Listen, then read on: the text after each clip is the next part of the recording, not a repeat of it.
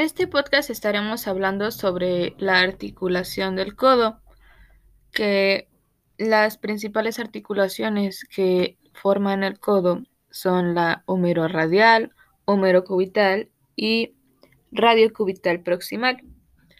Empecemos hablando sobre la humeroradial. Las superficies articulares que tiene la articulación humeroradial es el cóndilo y la cúpula, que en sí es la unión de el húmero y el radio. Los ligamentos que esta articulación tiene es el anular, el anterior, el posterior y también tiene en los laterales. Los movimientos que hace esta articulación es de flexión y extensión, también de supinación. Otra de las articulaciones eh, es la humerocubital, que ya había dicho que conforman el codo.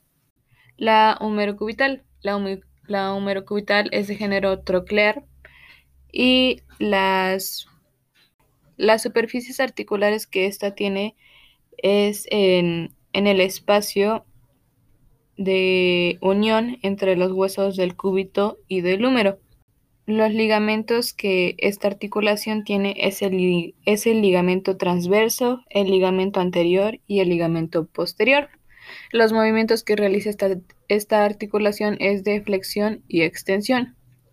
Y por último hablaremos de radiocubital proximal, que eh, la articulación de radio, radiocubital proximal es de género trocoide y las superficies articulares que ésta tiene es la cavidad sigmoidea menor del cúbito y la cabeza radial. El único ligamento que tiene es el anular y los movimientos que hace es de pronación y supinación.